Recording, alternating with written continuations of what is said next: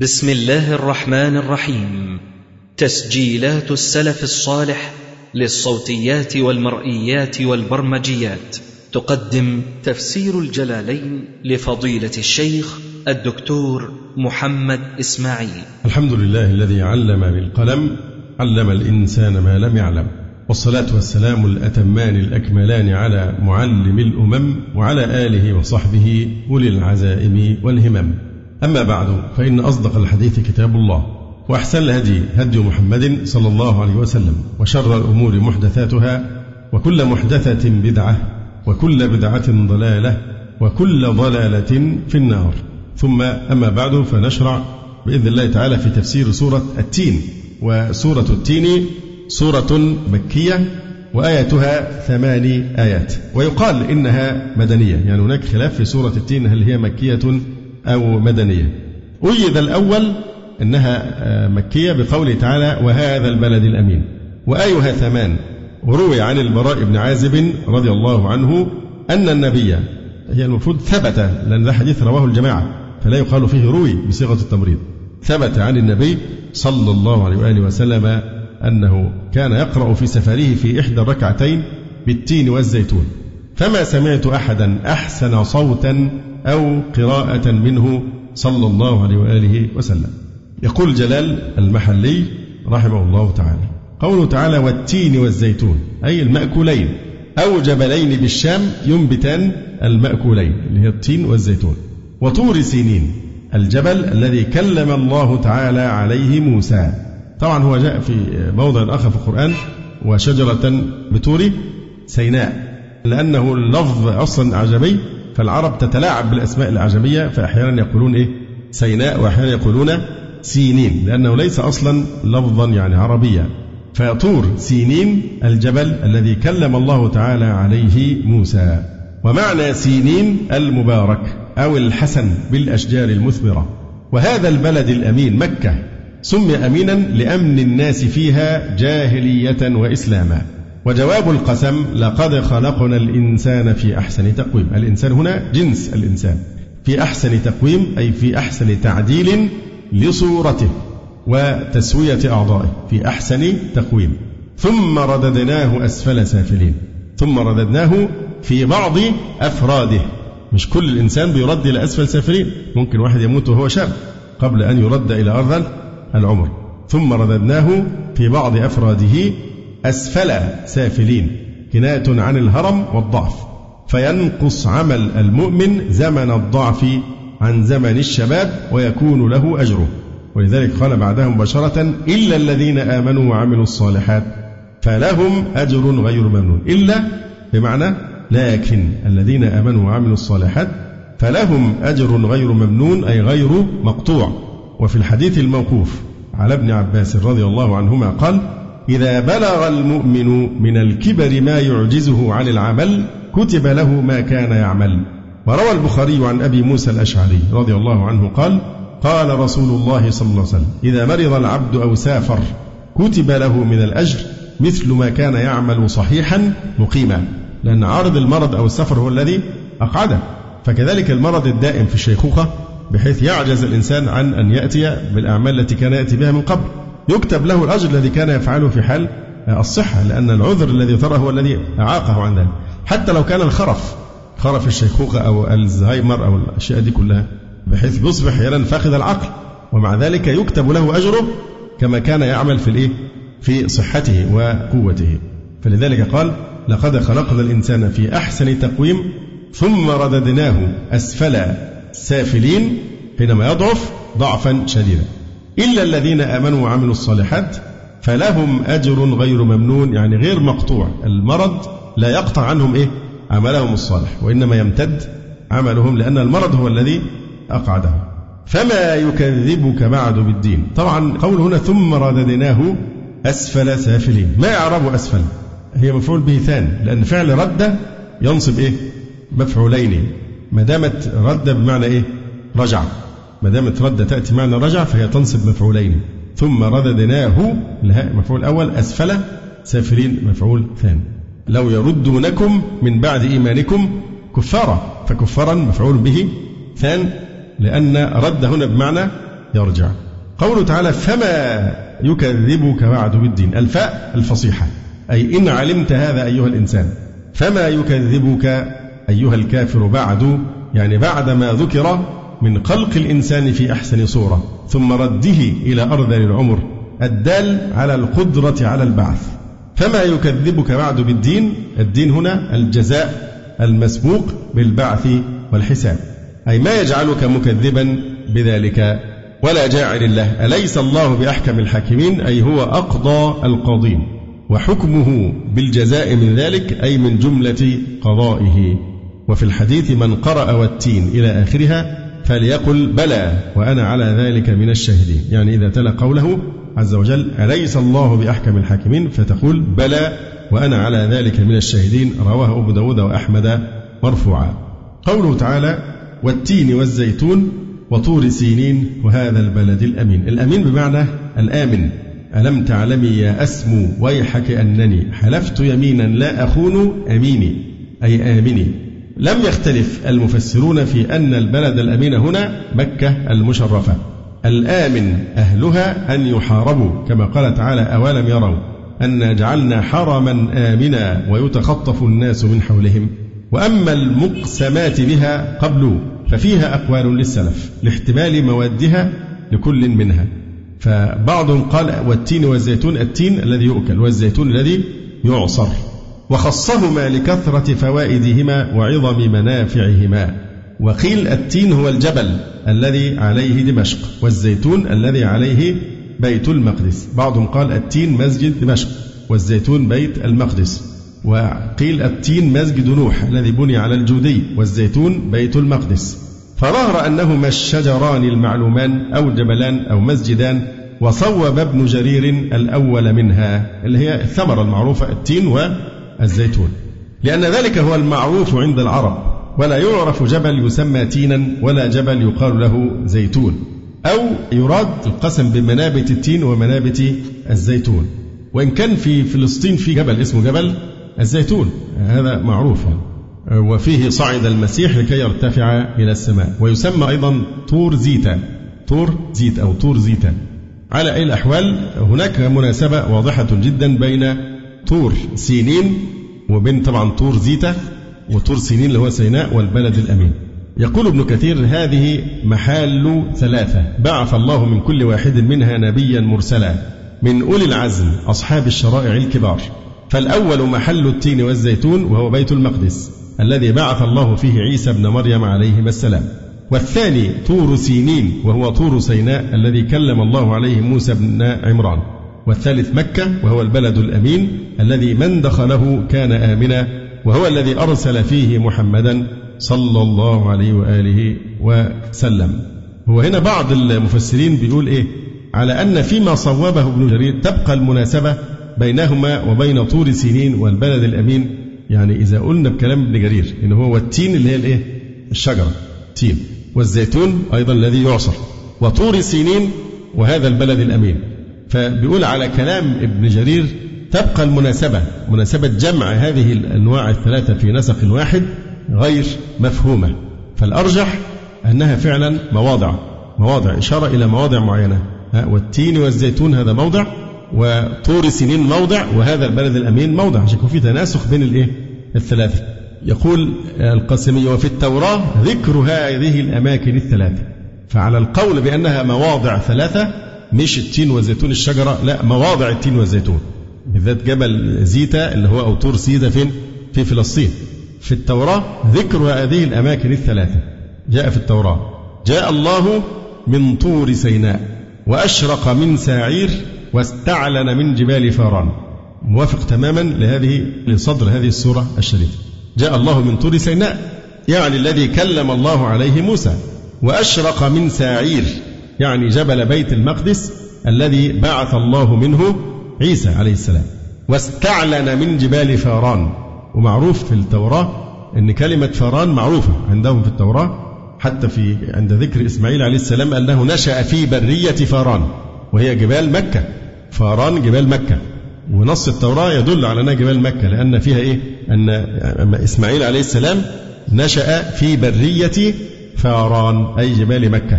فكذلك هنا آه، واستعلن من جبال فاران يعني جبال مكة التي أرسل الله منها محمدا صلى الله عليه وسلم. فذكرهم مخبرا عنهم على الترتيب الوجودي بحسب ترتيبهم في الزمان. ولهذا أقسم بالأشرف ثم الأشرف منه ثم بالأشرف منهما. ومراده ببعض الأئمة الإمام ابن كثير بيقول قال بعض الأئمة هذه محال ثلاثة إلى آخره. فمراد الإمام ابن كثير بكلمة بعض الأئمة حبيبه وشيخه شيخ الإسلام ابن تيمية لأن ابن كثير كان يعني متيما بحب شيخ الإسلام ابن تيمية كان يحب حبا جما حتى إنه أوصى أن يدفن بعد موته بجوار شيخ الإسلام ابن تيمية وقد كان. فيقول هنا ومراده ببعض الأئمة شيخ الإسلام الإمام ابن تيمية عليه الرحمة والرضوان. فإنه ذكر ذلك في كتابه الجواب الصحيح لمن بدل دين المسيح. يقول شيخ الإسلام ابن تيمية في فصل شهادة الكتب المتقدمة بنبوة نبينا صلى الله عليه وسلم. وذلك مثل قوله في التوراة ما قد ترجم بالعربية جاء الله من طور سيناء. وبعضهم يقول في الترجمة تجلى الله من طور سيناء. وأشرق من سعير واستعلن من جبال فاران. قال كثير من العلماء ليس بهذا خفاء على من تدبره ولا غموض. لأن مجيء الله من طور سيناء إنزاله التوراة على موسى بطور سيناء. كالذي هو عند أهل الكتاب وعندنا. كذلك يجب أن يكون إشراقه من سعير إنزاله على المسيح الإنجيل. وكان المسيح من سعير أرض الجليل بقرية تدعى ناصرة وباسمها تسمى من اتبعه نصارى. وكما وجب أن يكون إشراقه من سعير بالمسيح فكذلك يجب أن يكون استعلانه من جبال فاران إنزاله القرآن على محمد صلى الله عليه وسلم في جبال فاران وهي جبال مكة. قال هذا كل كلام شيخ الإسلام ابن تيمية. وليس بين المسلمين وأهل الكتاب خلاف في أن فاران هي مكة فإن ادعوا أنها غير مكة وليس ينكر ذلك من تحريفهم وإفكهم. قلنا أليس في التوراة أن إبراهيم أسكن هاجر وإسماعيل فاران وقلنا دلونا عن الموضع الذي استعلن الله منه واسمه فاران. والنبي الذي أنزل عليه كتابا بعد المسيح. أوليس استعلن وعلن بمعنى واحد وهما ظهر وانكشف؟ فهل تعلمون دينا ظهر ظهور الإسلام وفشى في مشارق الأرض ومغاربها فشوة؟ وقال أبو هاشم ابن طفر ساعير جبل بالشام منه ظهرت نبوة المسيح عليه السلام. قلت وبجانب بيت لحم القرية التي ولد فيها المسيح قرية تسمى إلى اليوم ساعير ولها جبال تسمى جبال ساعير. وعلى هذا فيكون ذكر الثلاثة الجبال جبل حراء الذي ليس حول مكة جبل أعلى منه. وفيه كان أول نزول الوحي على النبي صلى الله عليه وسلم. وحوله من الجبال جبال كثيرة وذلك المكان يسمى فاران إلى هذا اليوم. وفيه كان ابتداء نزول القرآن والبرية التي بين مكة وطور سيناء تسمى برية فاران. ولا يمكن أحدا أن يدعي أنه بعد المسيح. نزل كتاب في شيء من تلك الأرض ولا بعث نبي. فعلم أن ليس المراد باستعلانه من جبال فاران إلا إرسال محمد صلى الله عليه وسلم. وهو سبحانه. ذكر هذا في التوراة على الترتيب الزماني. فذكر إنزال التوراة ثم الإنجيل ثم القرآن وهذه الكتب نور الله وهداه. وقال في الأول اللي هي جاء الله من طور سيناء فأول شيء التوراة قال جاء. جاء الله أو ظهر من طور سيناء. وفي الثاني وأشرق من جبال سعيد وفي الثالثة قال إيه؟ واستعلن من جبال فاران وكان مجيء التوراة مثل طلوع الفجر أو ما هو أظهر من ذلك جاء أو ظهر مثل الفجر. ونزول الإنجيل مثل إشراق الشمس أشرق وأشرق من جبال سعير زاد به النور والهدى. أما نزول القرآن قال في إيه؟ واستعلن من جبال فران فهو بمنزلة ظهور الشمس في السماء ولهذا قال واستعلن من جبال فاران فإن محمدا صلى الله عليه وسلم. ظهر به نور الله وهداه في شرق الأرض وغربها. أعظم مما ظهر بالكتابين المتقدمين. كما يظهر نور الشمس إذا استعلنت في مشارق الأرض ومغاربها. ولهذا سماه الله سراجا منيرا صلى الله عليه وسلم. وسمى الشمس سراجا وهاجا. والخلق محتاجون إلى السراج المنير أعظم من حاجتهم إلى السراج الوهاج. فإن الوهاج يحتاجون إليه في وقت دون وقت بل قد يتضررون به في بعض الأوقات. وأما السراج المنير فيحتاجون إليه في كل وقت وكل مكان ليلا ونهارا سرا وعلانيا. وقد قال صلى الله عليه وسلم زويت لي الأرض فرأيت مشارقها ومغاربها وسيبلغ ملك أمتي ما زوي لي منها. وهذه الأماكن الثلاثة أقسم الله بها في القرآن في قوله تعالى والتين والزيتون. وطور سينين وهذا البلد الأمين. ده التفكير العاقل والمنطقي. الربط بين هذه الأماكن الثلاثة في التوراة وبينها في هذه السورة الكريمة. لكن ممكن بقى من ضعفت عقولهم خاصة من المنصرين وأمثالهم بيردوا يقولوا إيه؟ يقول لا ده دليل على أن القرآن متاخد من الإيه؟ من كتب أهل الكتاب. كلام يعني ركيك جدا وفي غاية الضعف. لأن هو النص واحد. لكن هي المسألة بتختلف حسب كيف تريد أن تفهمها. هو عايز يفهمه بطريقة منحازة إلى ضلاله المبين فلذلك يلوي عنق النصوص ويحرفها. بالعكس العاقل يقول إيه؟ لا ده هذا التشابه وهذا التماثل يدل على أن مصدرهما واحد. وده نفس المنطق الذي اعتمد عليه مين؟ ورقة بن نوفل. أول ما أخبرته يعني أخبر الرسول صلى الله عليه وسلم ورقة بن نوفل حينما اصطحبته خديجة قال إيه؟ أول ما سمع. قال إيه؟ هذا الناموس الذي أنزل الله على موسى. إلى آخره. كذلك النجاشي لما قرأ جعفر بن أبي طالب رضي الله عنه عليه سورة مريم قال إن هذا والذي جاء به موسى. لا يخرج من مشكاة واحدة وده سر كبير. السر في ربط موسى بمحمد حتى في في سورة الأحقاف إن سمعنا كتابا أنزل من بعد موسى. لأن التوراة هي الأساس. الإنجيل جاء إيه؟ مكملا ومتمما. لكن الكتاب الأساسي هو آه، التوراة. بجانب إن إن في تشابه شديد جدا بين موسى ومحمد عليه الصلاة والسلام وبين أمة موسى وأمة آه، محمد. وذلك نجد القرآن الكريم في مواضع كثيرة جدا يربط بين موسى ومحمد كما في صدر سورة الإسراء. سبحان الذي أسرى بعبده ليلا من المسجد الحرام إلى المسجد الأقصى الذي باركنا حوله. بعدها إيه؟ وآتينا موسى الكتاب. دايما كتير جدا في القرآن ستجدون في ربط خاص بين موسى ومحمد عليهما الصلاة والسلام. فالمؤمن يرى أن هذا دليل على أن المصدر واحد. مريض القلب هو النص واحد لكن هو يراه حسب ما يريد أن يوظفه لخدمة ضلاله. فيقول لا ده دليل على أن القرآن متاخد من الإيه؟ من الكتب هم يعني. يقول شيخ الإسلام رحمه الله تعالى وهذه الأماكن الثلاثة أقسم الله بها في القرآن في قوله والتين والزيتون وطور سينين وهذا البلد الأمين. فأقسم بالتين والزيتون وهو الأرض المقدسة التي ينبت فيها ذلك. القدس. ومنها بعث المسيح وأنزل عليه فيها الإنجيل. وأقسم بطور سيناء وهو الجبل الذي كلم الله موسى وناداه فيه. من واديه الأيمن في البقعة المباركة من الشجرة. وأقسم بهذا البلد الأمين وهو مكة الذي أسكن إبراهيم ابنه إسماعيل وأمه هاجر فيه وهو الذي جعله الله حرما آمنا ويتخطف الناس من حوله وجعله آمنا خلقا وأمرا قدرا وشرعا. وطبعا سبق في إحدى المناسبات أن إحنا تكلمنا على ما فعله الدكتور صفر الحوالي في كتاب أظن انتفاضة الغضب أو شيء من هذا كان له كتاب جيد يعني فهو جاب جميع النصوص التي تتكلم عن مكان يعبد فيه الله سبحانه وتعالى. كلام مدهش يعني يا ليتني تذكرت كنت أحضرته يعني. كلام في غاية العجب. بيوصف أحوال العباد في هذا البيت بيت الله سبحانه وتعالى. يعني عشرات الصفات لا تنطبق في الوجود إطلاقا إلا على مكة المكرمة وعلى الحج. أن الناس يلبسون الإزار والرداء البيض وأنهم يفعلون كذا ويقبلون الحجر. هذه موجودة في توراتهم.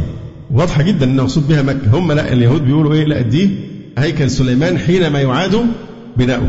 فنفس النصوص يعني تدل تماما على مكة المكرمة وعلى أفعال الحجاج بالتهليل والتسبيح وتعظيم الله وتوحيده وهم يحرفونها بأن المقصود ده لما يعاد بناء هيكل سليمان هيحصل فيه هذا الكلام. فبيتكلم نصوص مفصلة جدا حتى الأضاحي والذبائح والطواف وكل هذه الأشياء ومدح بناء الكعبة المشرفة ووصف البناء بأنه كعبة.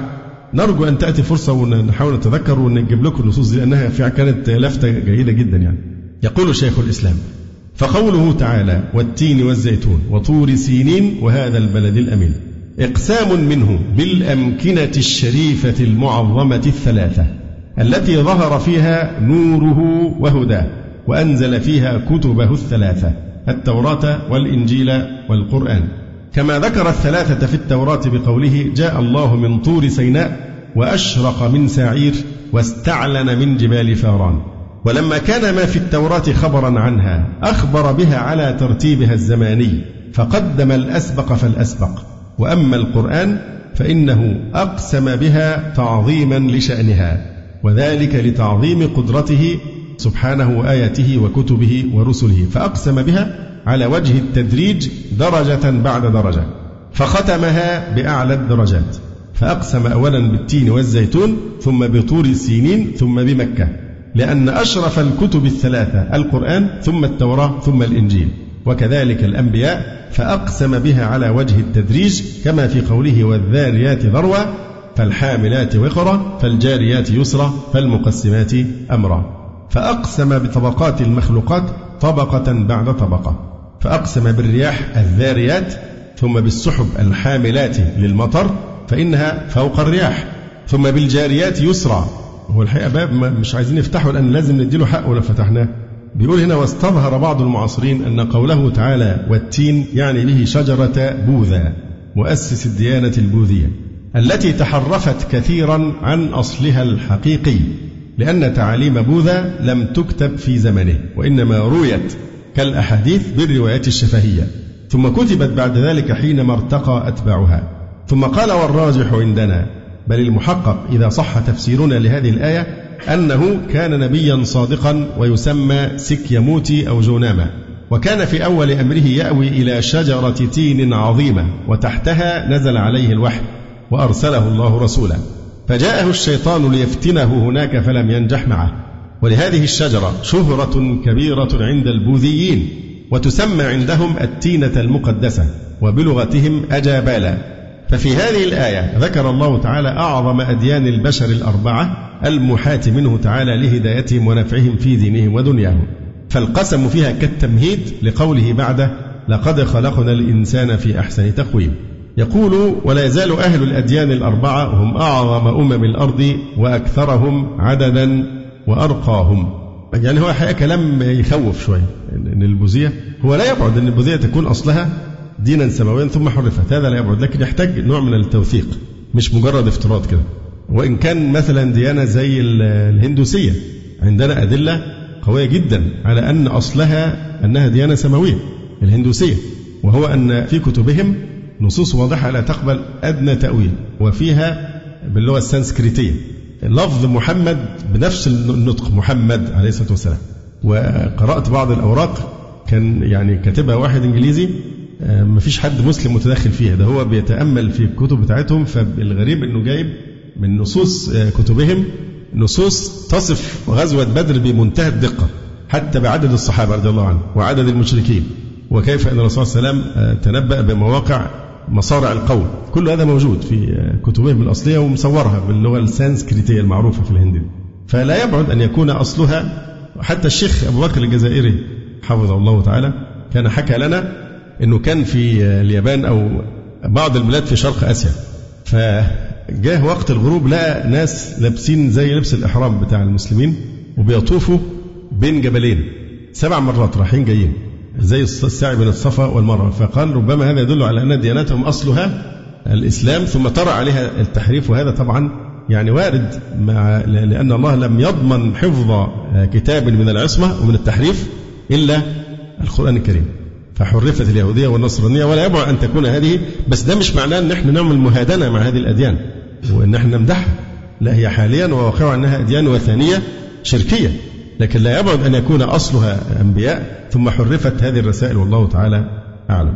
فبالنسبة لأن أحيانا تبقى سينين وأحيانا تقول سيناء أو سيناء يقول السمين وهذه لغات اختلفت في هذا الاسم السرياني على عادة العرب في تلاعبها بالأسماء الأعجمية. لقد خلقنا الإنسان في أحسن تقويم ثم رددناه أسفل سافلين إلا الذين آمنوا وعملوا الصالحات فلهم أجر غير ممنون. الحقيقة هذه الآية بالذات فيها بحث مهم جدا فنكمل البحث فيها إن شاء الله تعالى آه، يوم الأحد القادم في مسجد الفتح إن شاء الله تعالى. وفي الختام تقبلوا تحيات إخوانكم في تسجيلات السلف الصالح بالإسكندرية. هاتف رقم صفر ثلاثة فاصل أربعة تسعة أربعة سبعة ستة خمسة اثنان وتليفون محمول صفر عشرة واحد ستة أربعة واحد تسعة ثمانية صفر. والسلام عليكم ورحمة الله وبركاته.